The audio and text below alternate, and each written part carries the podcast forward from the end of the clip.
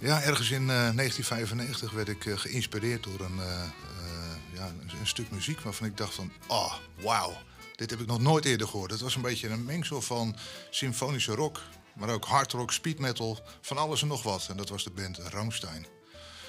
Ja, wat heeft Rammstein eigenlijk met mijn volgende gast te maken? Nou, van alles. Als ex-militair. Ja. nu eh, verbonden aan de Haagse Hogeschool bij de eh, opleiding eh, ja, Integrale Veiligheidskunde. Welkom, Frits van Balveren. Dankjewel. Ja, ik, ik zei al ex-militair, want eh, je vertelde net een verhaal over Ramstein. Maar eh, wat, wat is dat eigenlijk en wat heeft dat betekend? Ehm Ramstein is, een, eh, is voor NATO het hoofdkwartier voor NATO-luchtmachten, NATO Air Command. En ik ben daar als luchtmachter, want ik heb 37 jaar bij de luchtmacht gezeten, op allerlei functies natuurlijk. En ben ik uiteindelijk ook daar terechtgekomen voor als division head van eh, wat zij daar noemen force protection. Dat is eigenlijk een militaire term voor integrale veiligheidskunde. Ik kan hem ook niet anders eh, vertalen bijna. Ja. Alleen zij hebben er natuurlijk een eh, militaire term aangegeven. En ik heb daar vijf jaar bijna gezeten als eh, divisiehoofd van, van die afdeling. Mhm.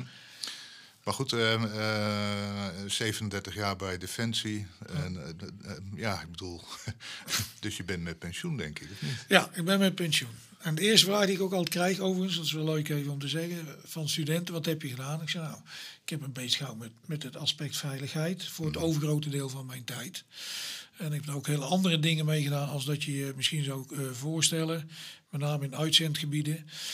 Maar ehm, ja, dat is wat ik heb gedaan. Hoe hou je dat ten vol, zeggen ze. Maar uiteindelijk in de militaire wereld zit je elke drie, vier jaar eh, zit je op een andere functie, op een andere plek. Er is veel verhuisd ook, eh, familie achter me aangesleept. En eh, ja, dat, ja, dat is dan wat je daar 37 jaar doet. Mhm. En in een laatste functie, waar ik ehm plaatsvervangend commandant was van Kandahar Airfield. In de tijd van eh, dat de oorlog hoogtij vierde in eh, Afghanistan, in ieder geval vanuit NATO-perspectief. Ehm, ja, zat ik daar eigenlijk als een hele andere functie, zou ik zeggen, plaatsvervangend commandant. Maar de rol daar was om een platform ter beschikking te stellen voor de 24.000 mensen die er zaten. En, eh, en voor de paar honderd vliegtuigen die je zelf al had en alle andere vliegtuigen. En eh, ja, dan is 80% van de dingen die je doet hebben met veiligheid te maken. En de vliegwereld is sowieso een groot veiligheidsdomein. En als je dat dan doet, dan eh, doe je dat, ja, hoe zou ik het zeggen, je doet dat eh 18 uur per dag, 7 dagen in de week. En dat doe je dan voor acht maanden. Dus je moet je voorstellen, als je dan terugkomt en in de vorm van pensioen gaat. Ik heb tussentijd nog even iets anders nog gedaan. En eh, ja, dan val je toch een beetje in, een eh, in, een, in een donker gat, laat ik zo zeggen. Geen zwart gat. Na verloop van tijd. En omdat ik een rugzakje in mijn gang had staan met nog veel meer operaties en dingen.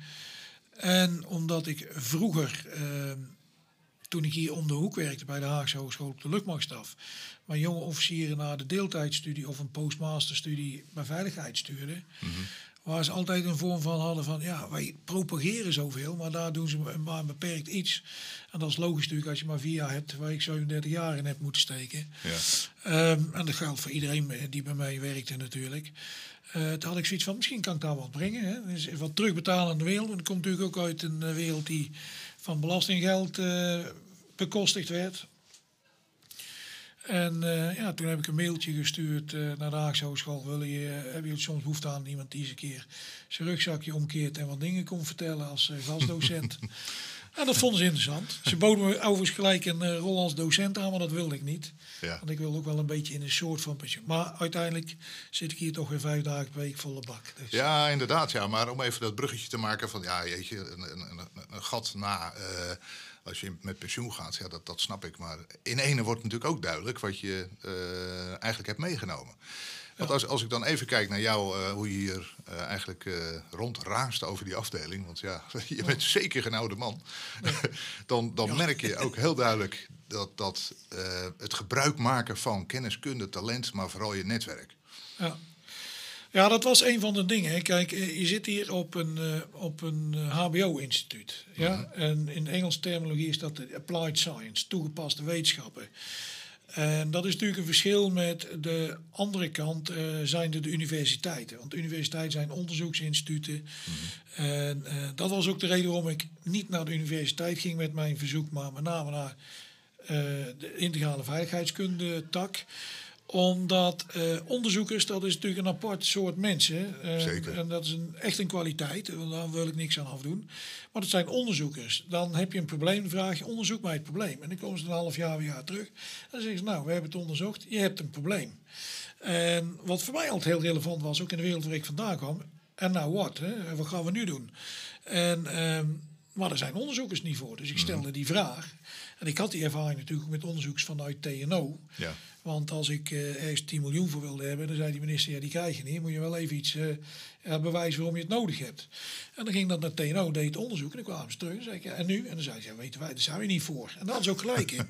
maar dat wist ik zelf dan wel. Ja. En, en, met name uh, IVK is een opleiding die een focus heeft op uh, het oplossen van problemen. Het omzetten van problemen en onderzoek, analyses, al dat soort zaken in iets handzaams, in iets hands-on, waar bedrijven mee kunnen. Mm -hmm.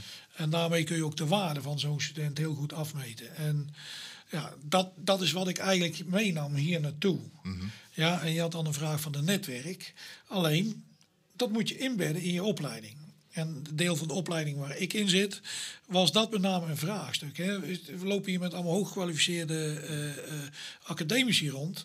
Maar het zijn allemaal mensen die of socioloog zijn, psycholoog. Terwijl dat gebied vraagt een hele brede benadering. En uh, dus je hebt uiteindelijk daar ook mensen nodig die je daar een beetje op aansturen. Hè, wat, wat, waar ligt nu de behoefte? Want je leidt op niet voor het instituut zelf, maar natuurlijk voor wat er buiten het instituut zit. Mhm. Mm -hmm. En dat zijn organisaties, bedrijven, overheden, noem maar op. Je moet er ook keuzes in maken, want wat ik net zei, je hebt maar een beperkte tijd, hè, vier jaar. Zoveel is dat eigenlijk niet eens. En um, op die manier uh, hebben wij op een gegeven moment ook gezegd van...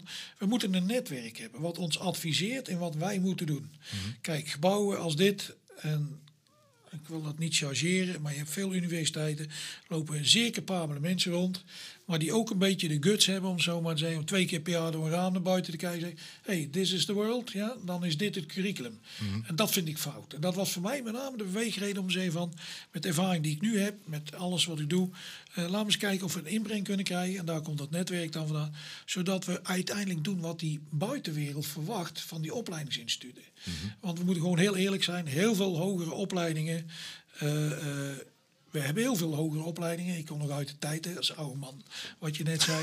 Had je een HO, een HTS, een PABO, eh, nog een paar aanverwante artikelen en dat was het. Ja. Ik loop nu in een gebouw, gebouw rond en zijn er misschien wel honderd opleidingen. Ja. Ik, ik, ging mezelf op een gegeven moment ook afvragen, wat doen die in godsnaam allemaal? En waar ligt dan die behoefte van buiten om dit allemaal te doen? Mm -hmm. Dat is niet aan mij om daarover te oordelen, dat doe ik ook niet. Maar wel binnen ons eigen domein.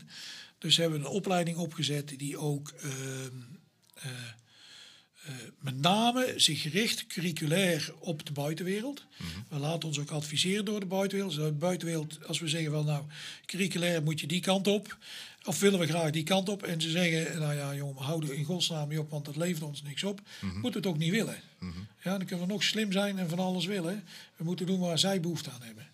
En, en ja, daar heb je een, een, hebben we een netwerk voor ontworpen. En dat is groot, want we zitten in een heel groot uh, aantal domeinen.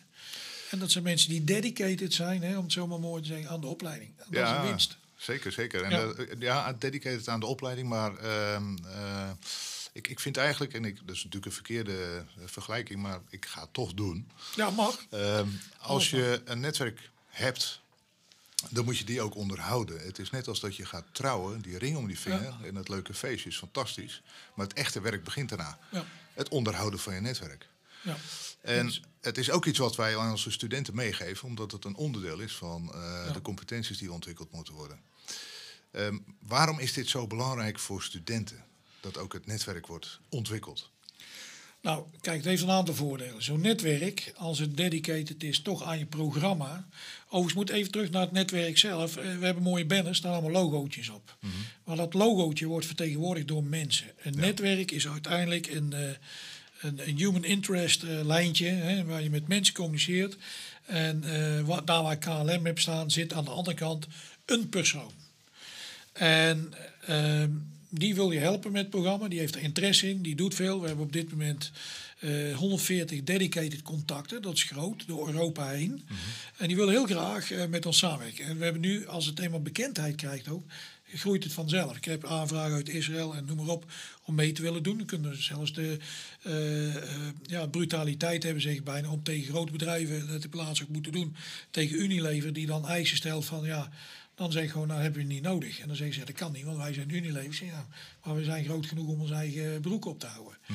En, maar, en dat is wel heel erg belangrijk wat je zegt. eh Eén ding heb ik geleerd in mijn carrière. Iets ontwikkelen, dat is niet het probleem. En daar invulling aan geven is ook niet het probleem.